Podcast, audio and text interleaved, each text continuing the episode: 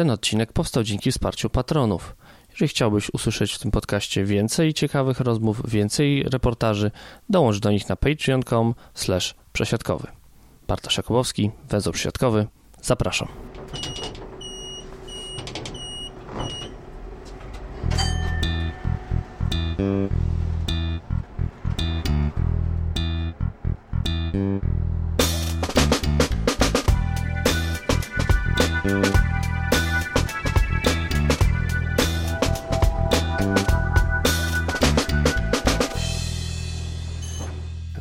Gościem jest Peter Janczowicz, e, prezes i założyciel Zebrabusa, wcześniej także w Leo Express, w RegioJet, w Tiger Express. Sporo tych marek transportowych w Twojej karierze się przewinęło.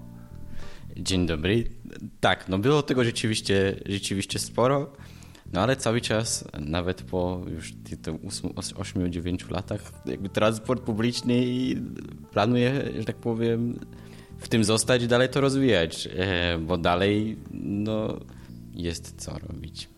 Ale ty zajmujesz się takim dość specyficznym teraz transportem publicznym, bo e, jak to ładnie powiedziałeś, w zeszłym roku na takiej konferencji właśnie zorganizowanej e, przy okazji to było chyba Metropolia właśnie, to była jakby konferencja, która była organizowana przez, przez władze metropolii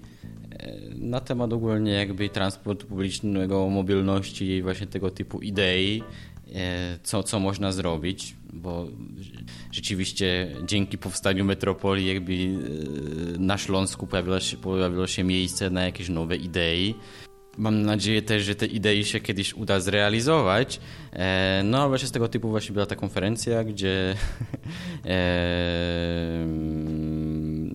dostałem możliwość poopowiadać o tym, co, co e, zaczęliśmy jakby jako, jako, jako Zebrabu zrobić. Choć też właśnie, żebym to jakby wyjaśnił, to też nie jest nasza jakby jedyna działka, bo no, e, ogólnie jeśli chodzi o, o, o transport autobusowy w Polsce liniowy, no jest to dziedzina jakby bardzo trudna. E, to też widać po, po tych mocnych zmianach i jakby e, bardzo dynamicznych zmianach na tym rynku, to, że jakby przewoźnicy coraz jakby więcej upada, linie się zamykają, nawet państwowe, że tak powiem, firmy się zamykają, więc samego transportu liniowego w Polsce e, naprawdę jest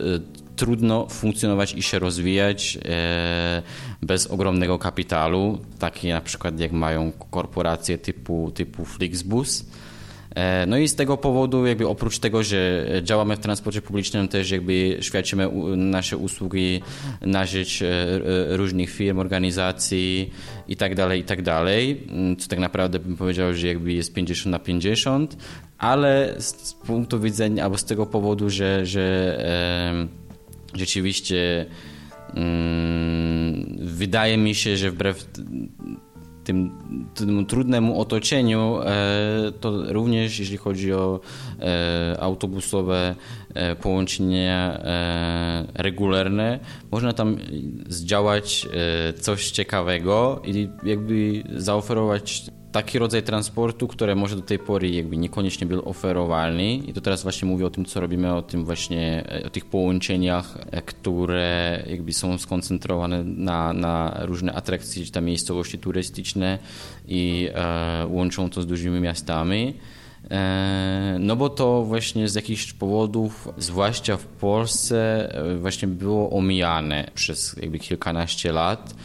w ogóle jakby transport publiczny głównie się skupia, a, a zwłaszcza transport autobusowy, na dowóz uczniów do szkoły, ludzi do, ludzi do pracy, babci do lekarza. Ta, ta idea, co, powinna, co powinien transport publiczny zapewnić, została jakby wyczerpana. No ale no i więc prawdopodobnie jakby chodziło się z założenia, że ludzie na narty, czy do parku rozrywki, czy do jakby term, czy na wycieczkę górską powinni zasadniczo jakby jechać autem.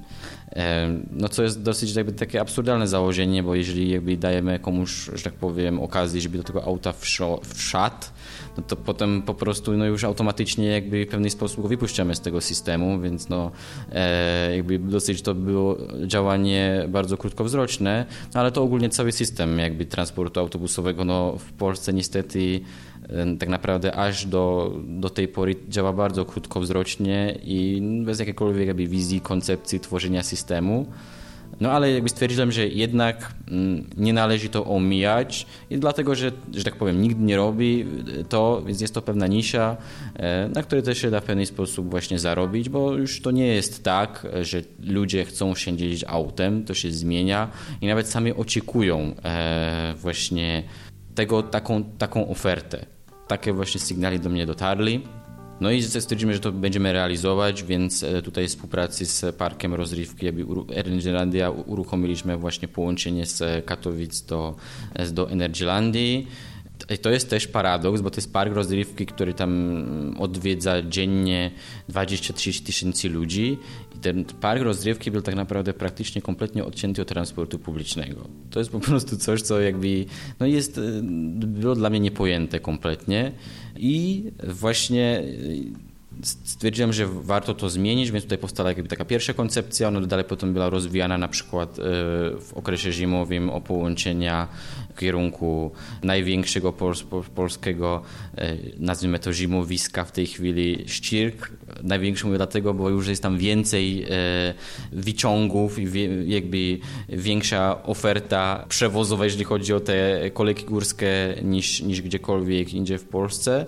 Więc dzięki temu, że to się strasznie rozbudowało w ostatnich czasach, no ale zapomniało się kompletnie o tym, jak, jak tam ludzie, e, że tak powiem, będą docierać. No i też właśnie, tak jak w przypadku Energylandii, panowała ta, jakby to przekonanie, że jakoś tam ci ludzie tym autem dojadą. No, okazało się, że nie dojadą i, i, że nie tylko, że nie dojadą, ale stoją w ogromnych korkach, więc, że tak powiem, UX usługi, że tak powiem, jeżdżenia na nartach, e, jakby w Ścirku, wbrew tym ogromnym inwestycjom, jakby no, e, że tak powiem, mocno cierpiała.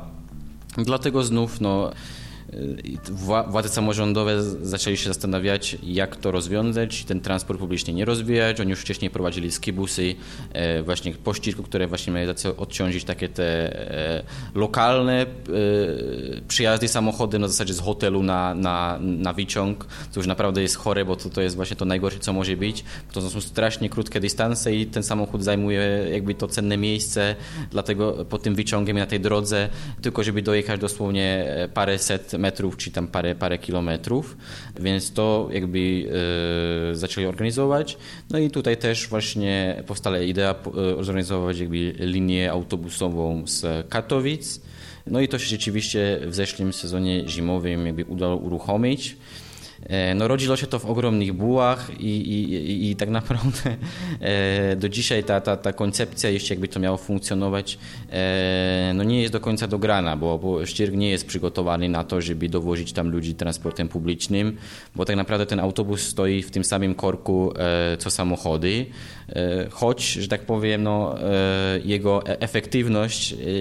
jeżeli chodzi o ilość miejsc, czy tam nawet emisję spalin, a nawet jak nie mówimy o nowym autobusie, i tak ta emisja spalin jest bezkonkurencyjnie niższa niż 20 czy 30 samochodów, które są potrzebne przy mieście niepodobnej tej liczby osób, która jedzie tym autobusem,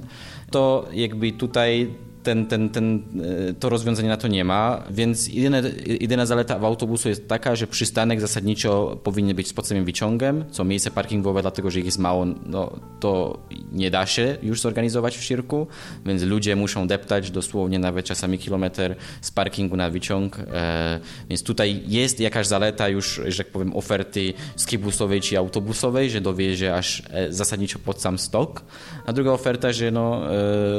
ta cenna przestrzeń przestrzeń, e, że na dowiezienie tych 40 czy 50 ludzi, czasami to nawet byli po dwa, po dwa autobusy, ulokowanie, e, że tak powiem, środka transportu dla tych ludzi w tym ścierku, no, e, jakby w formie autobusu jakby jest bardziej korzystne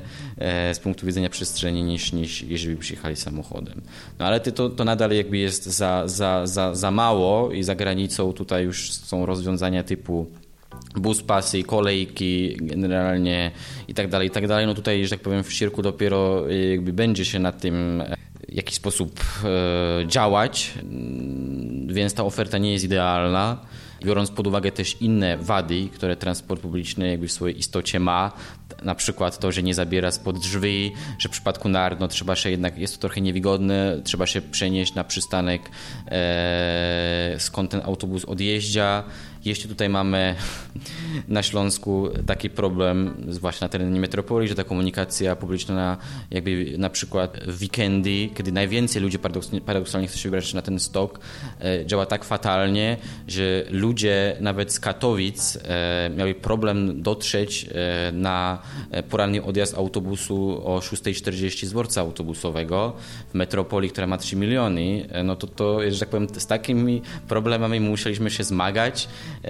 No i rzeczywiście był to problem, bo na przykład wymagało to 50 minut czekania na dworcu autobusowym w Katowicach, który zapewne każdy, kto w Katowicach wie, wie, jak on wygląda i że to nie jest miejsce, gdzie nawet 15 minut czekania jest akceptowalnym czasem. No więc, no, że tak powiem, ta misja, do którejśmy na którą się podjęli, no, była dosyć skomplikowana, choć tam jakby sukcesy byli, bo tam przywiozliśmy no, tam powyżej tysiąc, tysiąc ludzi, tam to było jakieś 1200 ludzi mniej więcej za ten sezon, no więc to jest trochę samochodów w cirku zaoszczędzonych, załóżmy tam koło tej, tego tysiąca za, zaokrągleniu. No ale, że tak powiem, trzeba jeszcze, że tak powiem, mocno pracować, żeby tą ofertę dograć i żeby ona rzeczywiście była bezkonkurencyjna z punktu widzenia mm, jakby użytkownika, porównując to ze samochodem. No ale to jest taki przykład właśnie, który no, ilustruje właśnie to, że te potrzeby są o wiele szersze niż, tak jak wspominałem, transport do, do szkoły, na uczelnię, do lekarza, do pracy i, i za takimi podstawowymi jakby e, przyziemnymi sprawami. No i trzeba się na tym pochylić. No a tylko tutaj jest problem, że jakby do tej pory w Polsce no jakby było oczekiwanie, że jakby um, ogólnie rynek to załatwi ten temat i rynek zorganizuje. No powiem szczerze, jakby podjąć się takiego wyzwania jakby dla mnie to tak naprawdę było poniekąd też czynie społecznym, albo takie trochę pewnego pokazania, jakby, że się da. Wydaje mi się, że jakby są i lepsze jakby inwestycje, e, że tak powiem, pod kątem jakby biznesu niż akurat to.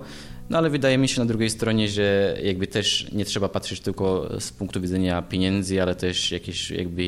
nie chcę to nazwać jakoś zbyt górnolotnie, ale pewnej misji albo pewnego po prostu, no trzeba, trzeba jakby lubić to, co się robi, a nie tylko, że tak powiem, robić dla pieniędzy, więc mam taki zespół ludzi, którzy tak to właśnie też traktują, więc dlatego, żeśmy się tego tematu jakby podjęli, no i dalej go rozwijamy, bo dalej potem powstało połączenie e, z Śląska i z Krakowa w kierunku Podhala, gdzie gdzie uruchomiliśmy linię, która, która obsługuje albo łączy z dużymi ośrodkami ludności, to znaczy Śląsk i Kraków, to są najbliższe, w odległości tam 100-150 km ulokowane, e, gdzie ludzie tak naprawdę codziennie jakby tam jeżdżą z tych dużych ośrodków e, w góry na Podhale, żeby wypocząć, żeby iść w góry, e, żeby tam odpocząć na termach, żeby, żeby pojeździć na nartach i tak No i jakby pewna część Podhala była w ogóle nieskomunikowana jakby z tymi dużymi miastami, choć turystycznie bardzo atrakcyjna, bo to jest na przykład Dolina Chochowska, Dolina Kościeliska, e, to są tak naprawdę po, po morskim oku e, dwie najbardziej, że tak powiem, popularne e, lokalizacje pod kątem turystyki górskiej w Tatrach. No i jakby z tych miejsc, jakby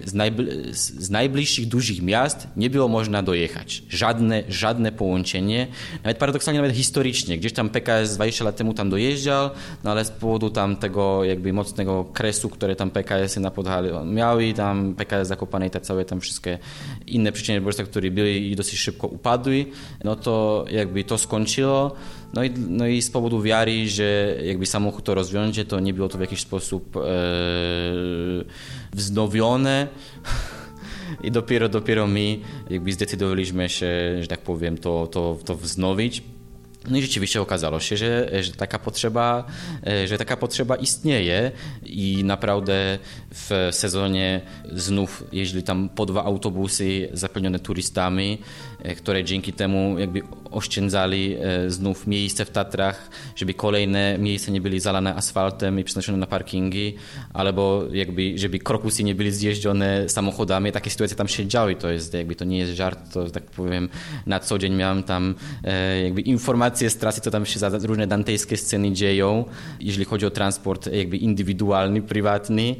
No więc tutaj, że tak powiem, daliśmy tą możliwość ludziom się zastanowić, czy jednak, jednak nie skorzystać z tego transportu publicznego, z tego transportu zbiorowego, no nie dojechać. No i okazało się, że rzeczywiście jest to dosyć duża rzecz, a ludzi, którzy, którzy zaczęli z tego korzystać, zaczęli jeździć e, w te części Tatr transportem zbiorowym. Czyli można wozić ludzi na grzyby, tak jak właśnie to wtedy mówiłeś i są chętni na to, żeby te grzyby jeździć, że nie trzeba koniecznie jechać samochodem, bo wiem, że kiedyś słyszałem też taką opinię, że wiele osób, nie, nawet które na co dzień jeżdżą komunikacją miejską do pracy, nie wyobraża sobie jeżdżenia właśnie na narty czymkolwiek innym niż samochodem. A tu okazuje się, że jednak jest taka grupa ludzi, która ma na odwrót, właśnie nie chce jechać samochodem, tylko właśnie chce skorzystać z transportu publicznego. I ty do takiej grupy, jak rozumiem, chcesz trafić. Dokładnie. Jakby ta potrzeba istnieje, no na pewno też nie ma się co zaczarować. Jest to pewna nisza. Jakby jeżeli chodzi o potoki ludzi dojeżdżających do szkoły, do pracy i tak dalej, no to to jakby nie, nie ta skala, ale to też nie są jakieś jednostki osób. A tak jak tutaj wspominałem, mówimy o setkach, tysiącach ludzi po prostu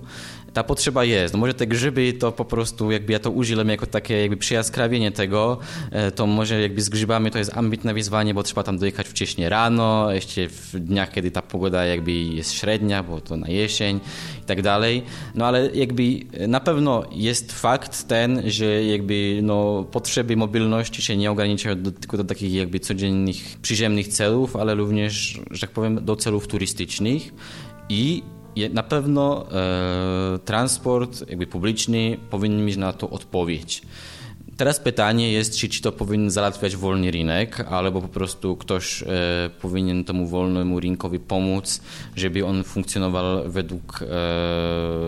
nie widzimy się pana Buszarza, ale według jakichś cywilizacyjnych zasad, bo, że tak powiem, e, to, że jest zainteresowanie transportem publicznym, to widać w Bieszczadach, tylko jakim sposobem ten, to, to zainteresowanie jest zaspokajane, no to to po prostu jakby, no to zakrawa na trzeci świat, powiem to tak. Muszę powiedzieć też jedno, nie, staram się właśnie zwracać też uwagę na to, że to nie jest tak, że złym albo jakby synonimem zła e, i tego wszystkiego problemu jest właściciel tej firmy transportowej, która taką usługę świadczy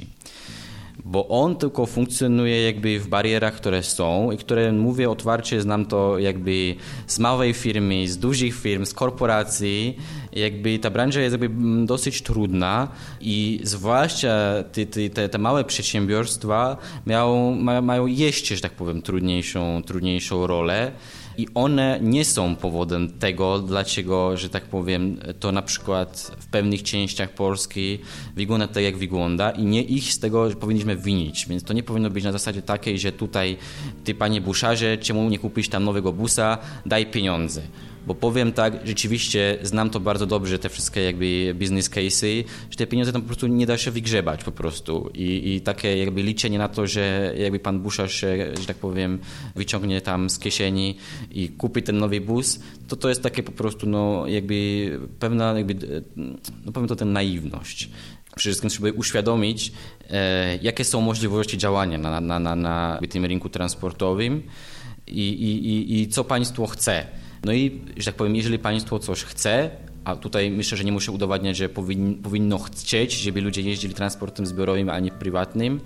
no to, że tak powiem, bez pieniędzy to się nie da. I to jakby jest, że tak powiem, już to było wiele razy tutaj też przez Bartosza nagłaśniane w przypadku jakby ustawy PKS-owej, a w ogóle wcześniej, jeszcze przed nią ustawy o, o PTZ-cie, gdzie po prostu ktoś miał przez nawet jakby kilka lat wrażenia, że, że tak powiem, bez pieniędzy się w Polsce zbuduje jakby transport publiczny no to po prostu, e, no to mówię stanowczo, jakby to nie jest możliwe i taki przedsiębiorca się jeszcze nie urodził, który, że tak powiem, e, na tych trasach regionalnych i w pewnych sposób niszowych by, że tak powiem, e, wiedział zaoferować niemiecką jakość za polskich warunków, innymi słowy bez pieniędzy po prostu. No ale chyba jednak coś na tym rynku zmienia, bo z tego co wiem zaczynacie nowy etap, wchodzicie w ten rynek właśnie już regulowany. E, czy możesz coś na ten temat opowiedzieć, bo, bo wiem, że to jest dość nowa rzecz jakby w polskiej rzeczywistości. Tak, i właśnie to jest pozytywne, że rzeczywiście w, w, w, o, przez nagłośnienie pewnego rzeczywiście boleśnego tematu, e, a to chodzi mi o wykluczenie komunikacyjne przez polityków, ale jakby no, dzięki im za to, że ten temat wyciągnęli, ale też dzięki za to ludziom, którzy to nagłaśniali, takie jak tutaj podcast Węzeł Przyszatkowi i inni, którzy jakby tutaj e, do temu dopomogli, że ten temat w końcu, że tak powiem, zaczął być mainstreamowy, a nie e, jakby na marginesie, bo rzeczywiście te dyskusje, ja ją sam tam gdzieś jakby śledziłem, ona trwała dłużej niż ostatni rok, ale, ale, ale ona nie była w tym trybie mainstreamowym i fajnie, że to się jakby udało i to jakby na ten mainstream wyszło. No i dzięki temu i dzięki tym, tym narzędziom, które po tej drodze gdzieś tam się, że tak powiem, stworzyli, typu ustawa PKS-owa, stworzyła się możliwość, a nie tylko możliwość, ale dalszy pewien sygnał właśnie, który bardzo był potrzebny samorządom, że y, jest coś takiego jak transport publiczny i, że tak powiem, przyjrzyjcie się temu. Szkoda, że nie byli dane trochę jakby jaśniejsze zasady, jakim sposobem się temu przyjrzeć, dlatego też, że tak powiem, wyszło jak wyszło z tą ustawą PKS-ową. E, no ale e, na początek, że tak powiem, od tej biedy, która, że tak powiem, przez długi czas panowała, no to e, super, że się coś dzieje. Nie powinno to być w taki sposób robione według mnie, ale super, że się coś dzieje. No i, że tak powiem, dzięki tej nowej rzeczywistości, która tu powstała i pewnemu tutaj jakby obudzeniu się samorządów, że no E, nie tylko organizacja kolei i jakby transportu kolejowego powinna być ich e, obowiązkiem, ale również ten transport autobusowy no to zaczęli, zaczęli być jeszcze, że tak powiem, bardziej zainteresowani tym tematem.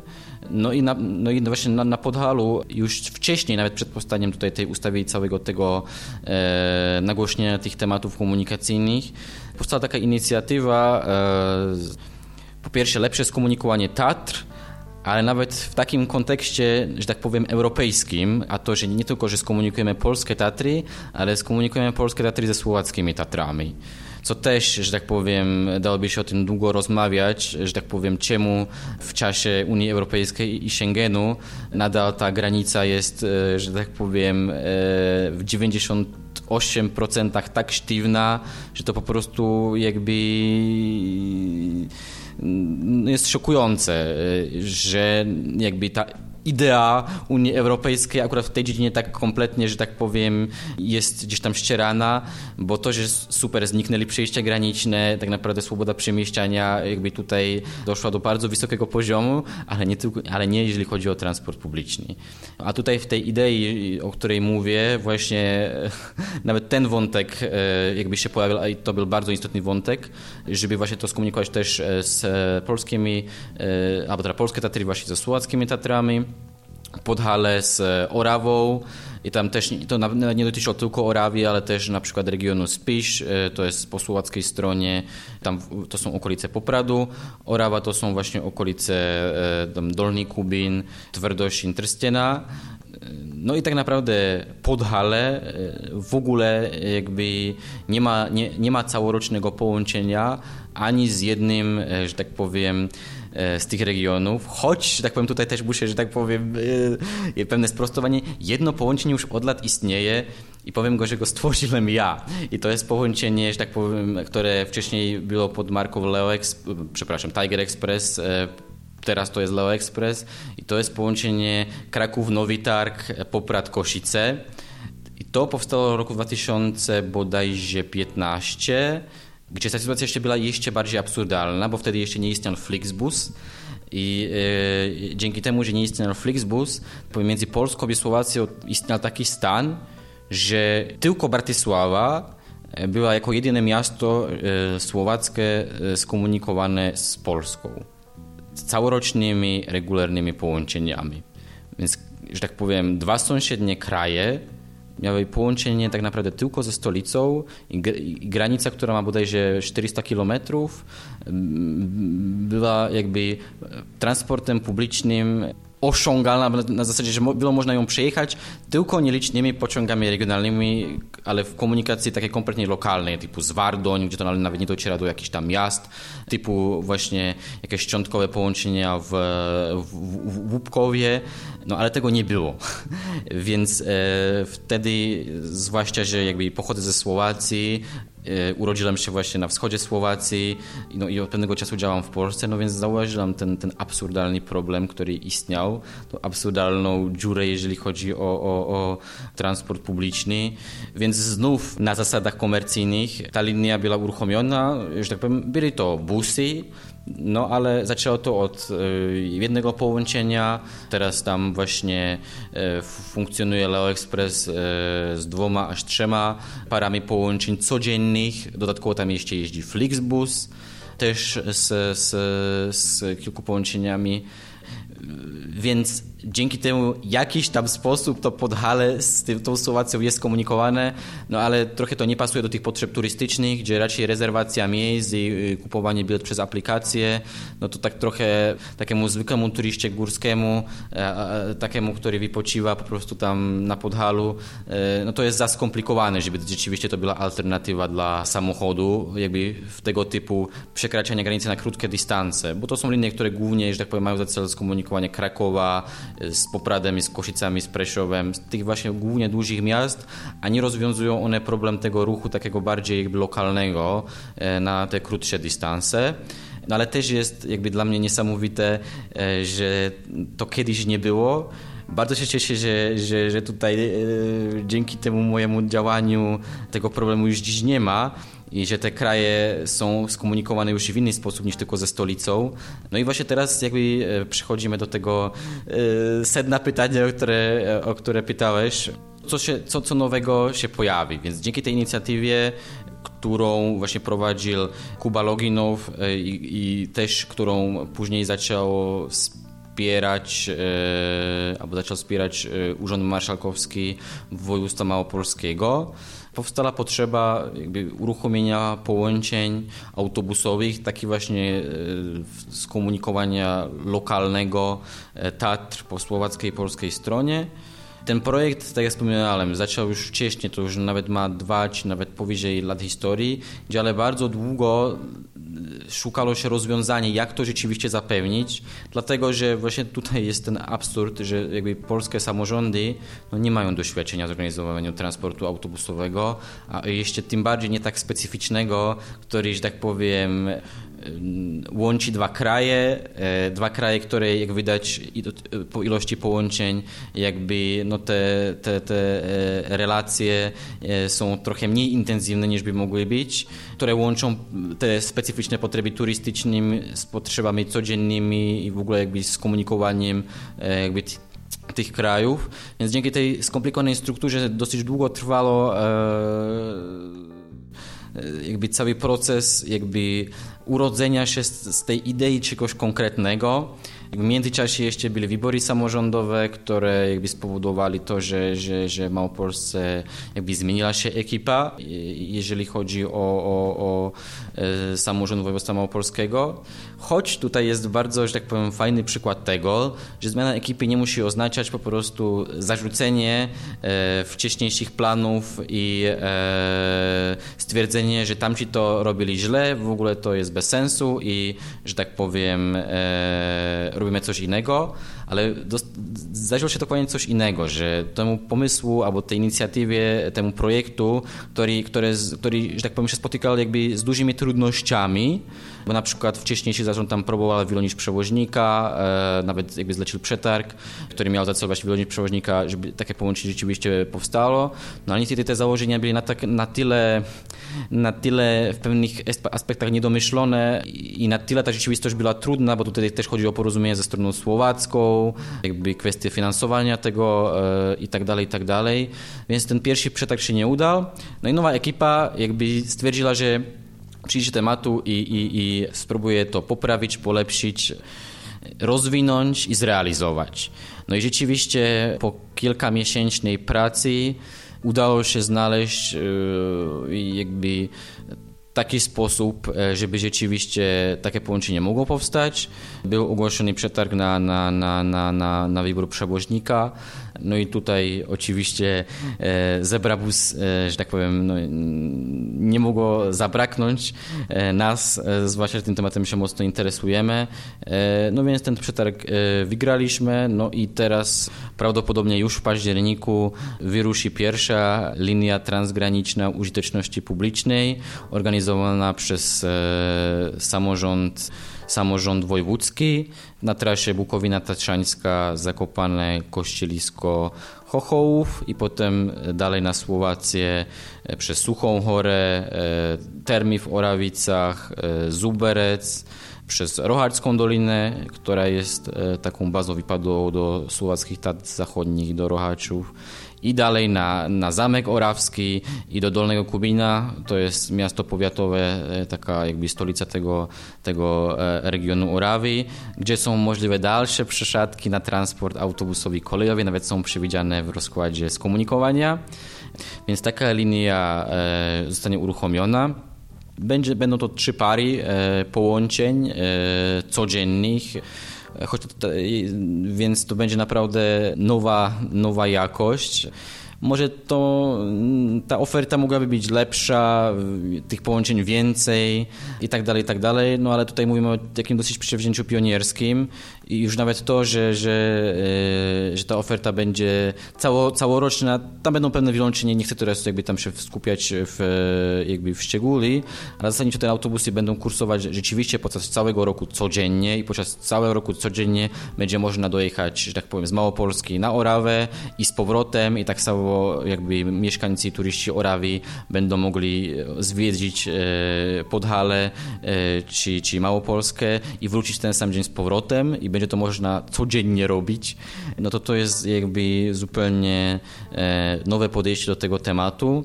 E, no i bardzo się cieszę, że, że, e, że możemy w tym uczestniczyć, choć no znów, tak jak wspominałem, no, rodziło się to w dużych bułach i było trzeba w pewien sposób skoordynować polską rzeczywistość ze słowacką rzeczywistością,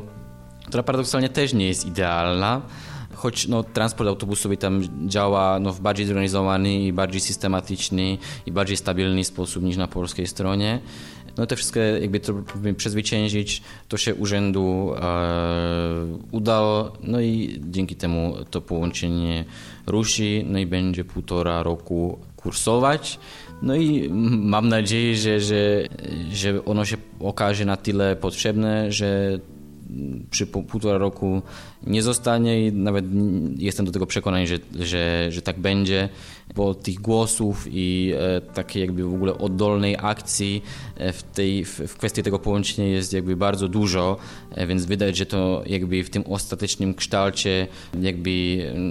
nie jest tylko jakieś widzimy się urzędnicze, ale że to rzeczywiście jakby odpowiedź na realne potrzeby mieszkańców i turystów z obu stron granicy.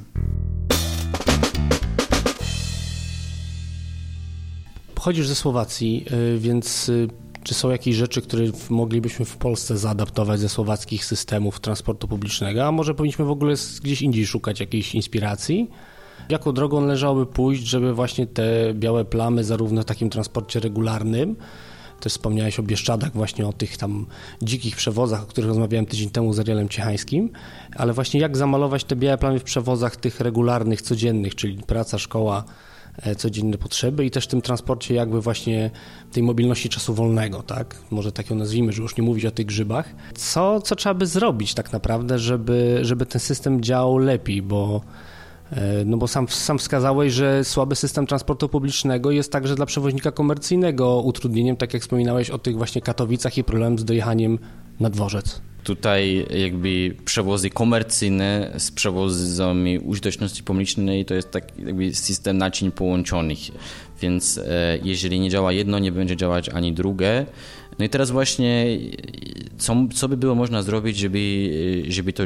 działało albo, albo, albo działało lepiej? No, jeżeli chodzi o Słowację, bo według mnie takim jakby wyznacznikiem mm, albo benchmarkiem, z czym mm, jakby jest sens, żeby się Polska porównywała, no to są kraje Grupy Wyszehradzkiej, więc tutaj mamy Czechy, Słowacja, Węgry. No i fakt jest ten, że w tylko Polska z tej grupy do tej pory była krajem, gdzie regionalny transport autobusowy działa na zasadzie wolnego rynku i praktycznie bez pieniędzy ten schemat mm, jakby z ustawy PKS-owej, który, który teraz się pojawił, no on e, no nie jest optymalny i na pewno jakby trzeba mocno, mocno e, popracować nad tym, żeby z tego wyszło coś sensownego, bo nie ma się co ludzić, że ta ustawa nie stworzy w Polsce prawdziwy regionalny transport autobusowy, tak, taki, że naprawdę będzie on spójny i tworzyć system i będzie można dzięki temu zrezygnować z samochodu i korzystać z transportu publicznego. Jest to taki jakby pierwszy krok, tylko pytanie, czy teraz następną te kolejne kroki. No i teraz jakby co, czym się można zainspirować? Więc tak jak mówię, pierwsze są, pierwsza kwestia e, są pieniądze. Pieniądzami jest tak naprawdę też połączona kwestia organizatora, kto, kto, kto ma to organizować. I tutaj właśnie warto się zastanowić, i to też ta ustawa PKS-owa idealnie pokazuje, że jeżeli tych organizatorów jest zbyt dużo, no to tak naprawdę jakby tak zwana popularna psychologia, że tak powiem, idealnie tutaj może zafunkcjonować i że tak powiem mm, i będzie się czekać jeden na drugiego, kto, kto ma z czym przyjść. Więc jakby według mnie ten aktualny podział e, na zasadzie ministerstwo, jeżeli chodzi o transport e, kolejowy dalekobieżny i dalej jakby e, samorządy wojewódzkie, jeżeli chodzi o transport międzypowiatowy, powiaty, jeżeli chodzi o powiaty, albo transport powiatowy, a, a, a samorządy lokalne,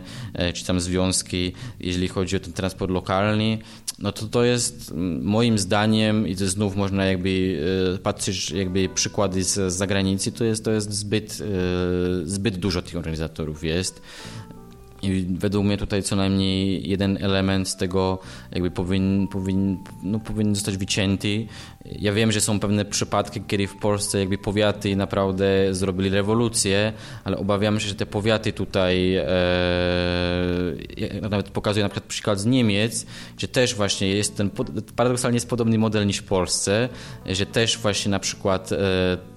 transport autobusowych organizuje w powiatach e, powiat, a transport kolejowy organizują landy. I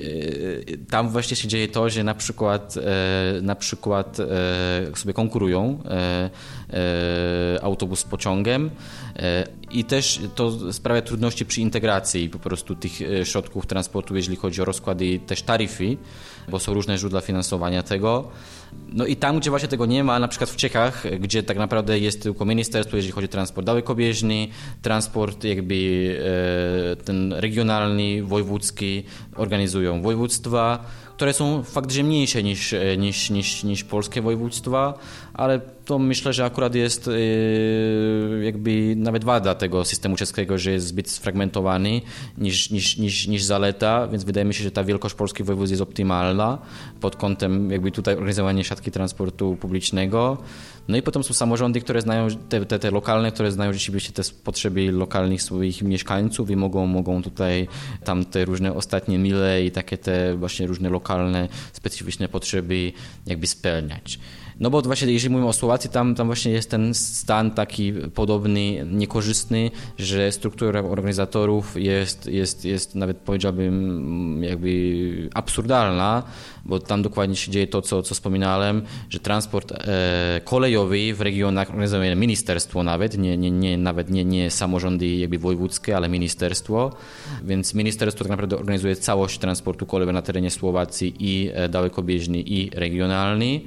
więc urzędnik Bartisławi, że tak powiem, zna najlepiej potrzeby dojeżdżających e, gdzieś tam Humennem czy w Mediolaborcach. No, trochę to jest mało realne, ale, ale, ale ktoś tak kiedyś tam założył. No ale paradoksalnie, jeżeli chodzi o, że tak powiem, potrzeby dojeżdżających autobusach, w auto, autobusami w Humennym czy Międzylaborca już nie zna ten urzędnik w Bratysławie, ale zna to urzędnik w kraju preszowskim, bo to organizują e, jakby tutaj jakby województwa, to znaczy słowackie kraje. No i jakby dochodzi do tego, że każdy z urzędników ma pewną inną wizję, jak, jak ten człowiek tam powinien dojeżdżać e, i dublują się połączenia, e, nawet sobie konkurują. E, No i też dlatego na przykład integracja taryfowa transportu regionalnego na Słowacji no jest jakby, że tak powiem, bardzo mało zaawansowana i to właśnie przez ten problem jakby mnogości organizatorów, gdzie jest ministerstwo, e, jest, e, jest, jest województwo, ale są samorządy lokalne i tutaj mówimy o kraju 5 milionów e, mieszkańców, więc tak naprawdę wielkości jakby jednego, jednego województwa polskiego, takiego jakby może większego, no Mazowsze będzie miało jakieś tam 3,5-4 miliony z tego co pamiętam. No więc, że tak powiem, warto się tutaj z tego e, jakby, z tej na, na, wziąć sobie tą nauczkę. No i teraz, jeżeli, że tak powiem, przejdziemy do takich rzeczy fundamentalnych, no to jakby e, oczywiście organizator i finanse są ważne, no ale teraz właśnie jakby trzeba sobie też postawić pytanie, co tu budujemy? Czy tylko jakieś takie po prostu jakby ad hoc działania zapewniamy jakieś tam lokalne potrzeby i coś tutaj jakby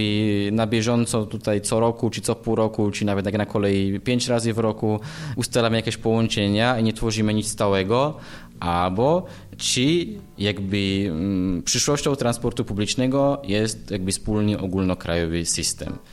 Co nie znaczy, że wspólny ogólnokrajowy system znaczy, że wszystko będzie jakby organizowane centralnie, ale chodzi o to, że musi być pewna spójność. I teraz właśnie znów możemy się zainspirować krajami, krajami tej grupy wyszehradzkiej, jak oni do tego doprowadzili, że ta spójność tego transportu e, ogólnie publicznego jest większa niż w Polsce doprowadziło do tego tak, że e, na poziomie centralnym e, ministerstwa, które są organizatorami e, transportu kolejowego użyteczności publicznej, wyznaczyli sobie jakby szatkę i tak naprawdę system połączeń cyklicznych wyznaczyli sobie jakby pewną ofertę, którą chcą mieć i to, którą chcą trzymać i która ma być stała i nie ma być na zasadzie takiej, że, że, że jakby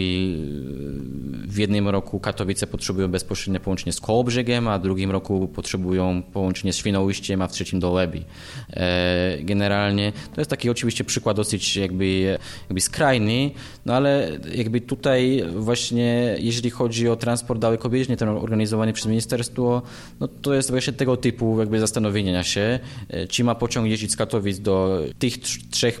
kurortów nadmorskich, a to powinno wyglądać inaczej. Jakby tu powinna być jakaś stała oferta na tych głównych ciągach i, i, i, i właśnie dzięki temu będzie można dojechać i do Świnoujścia, i do Łebi, i do Kołobrzegu, bo, e, że tak powiem,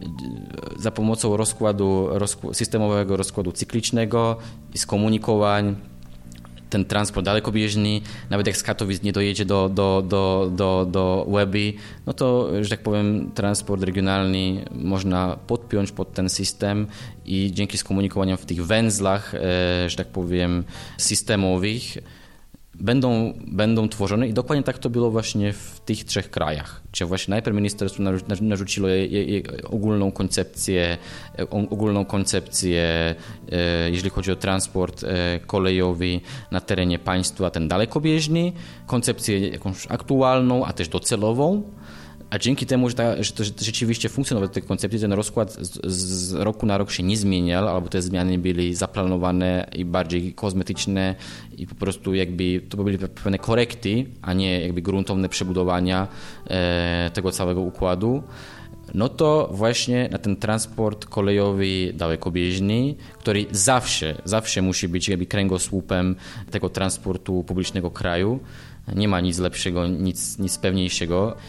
no to jeżeli ten zacznie funkcjonować według systemu, no to zaczną się do tego podpiąć te podsystemy i nagle się okazało w Czechach, że i transport, transport e, autobusowy regionalny zaczyna jeździć w cyklu i jakby e, korzystać jakby z węzłów przesiadkowych i, i, i, i węzłów też systemowych, bo to chodzi o to, że w pewnych e, jakby porach, minutach się spotykają w pewnych konkretnych miejscach, konkretnie zaprogramowanych, jakby autobusy z pociągami i są możliwości przesiadek.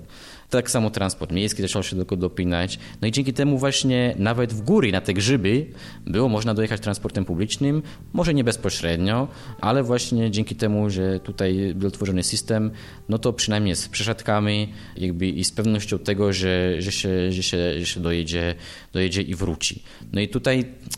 ja osobiście bardzo ubolewam, że, że nie ma dyskusji na ten temat jakby w Polsce, że, że Polska inwestuje ogrom środków, duże inwestycje infrastrukturalne na kolei i tak naprawdę nie wie, jak, jaki ten rozkład docelowo ma być i czy on tak naprawdę w ogóle, e, czy te inwestycje jakby e, będą pasować i czy ten docelowy czas przyjazdu będzie kompatybilny jakby z tymi rozkładami systemowymi, bo na przykład jakby w ten sposób, jeżeli jakby jest rozkład systemowy, na przykład wiadomo, że z, z pewnych, między pewnymi węzlami czas przyjazdu musi być godzina, bo tam zawsze w tych systemach, e, systemach rozkładu cyklicznego, systemowego to jest po prostu coś, co się, jakby ta postawa to jest jakby cykl godzinny e, i coś, co się można mnożyć czy dzielić jakby go, go, godziną. Ta, ta, taka, taka, taka częstotliwość, taka cykliczność jakby jest podstawą. No więc oczywiście jakby między tymi głównymi węzlami e, jakby też ta odległość musi musi być jakby e, w godzinach, czy tam w pół godzinach, więc tak naprawdę przykład, że jeżeli, jeżeli na jakiejś tam linii kolejowej,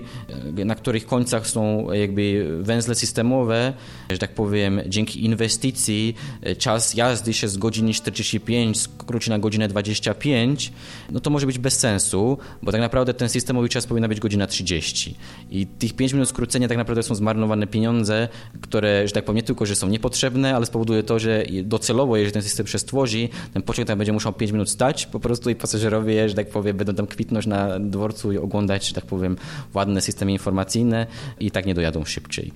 nie rozumiem, czemu, czemu e, wbrew tym ogromnym środkom i tym ogromnym inwestycjom tutaj nie ma w ogóle dyskusji e, na ten temat. E, przynajmniej jeżeli chodzi o ten transport kolejowy dalekobieżny, ten organizowany przez ministerstwo. No a to jak mówię, no jeżeli tego nie będzie, to ani w regionach, ani w miastach e, zasadniczo trudno będzie coś istotnego tutaj jakby zmienić, żeby stworzyć tą sieć ogólnokrajową. Mogę obiecać, że będę ten temat drążył w kolejnych odcinkach. E, bardzo Ci dziękuję za dzisiejszą rozmowę, no i życzę powodzenia w otwarciu pierwszej linii transgranicznej autobusowej użyteczności publicznej w Polsce. Dziękuję Ci bardzo. Również dziękuję bardzo i, no i wszystkich zapraszam, żeby spróbować tą nową, nową dimensję europejskości e, w, w polskim e, transporcie regionalnym użyteczności publicznej. To może nie chodzi o to, że to będzie aż tak super nowoczesne, ale to, że ta oferta będzie stała, że te połączenia będą codzienne, dni robocze, weekendy, i że to będzie tworzyć e, część pewnej sieci, no w tej chwili niedoskonalej, ale takiej jakiej jest, to tak, tak żeśmy się to starali e, dopasować. Więc dziękuję, no i tak powiem, zapraszam do korzystania.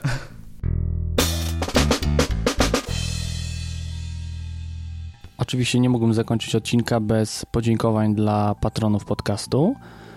Pozdrawiam wszystkich, a specjalne podziękowania dla Piero i Pawła Zegartowskiego. Do usłyszenia.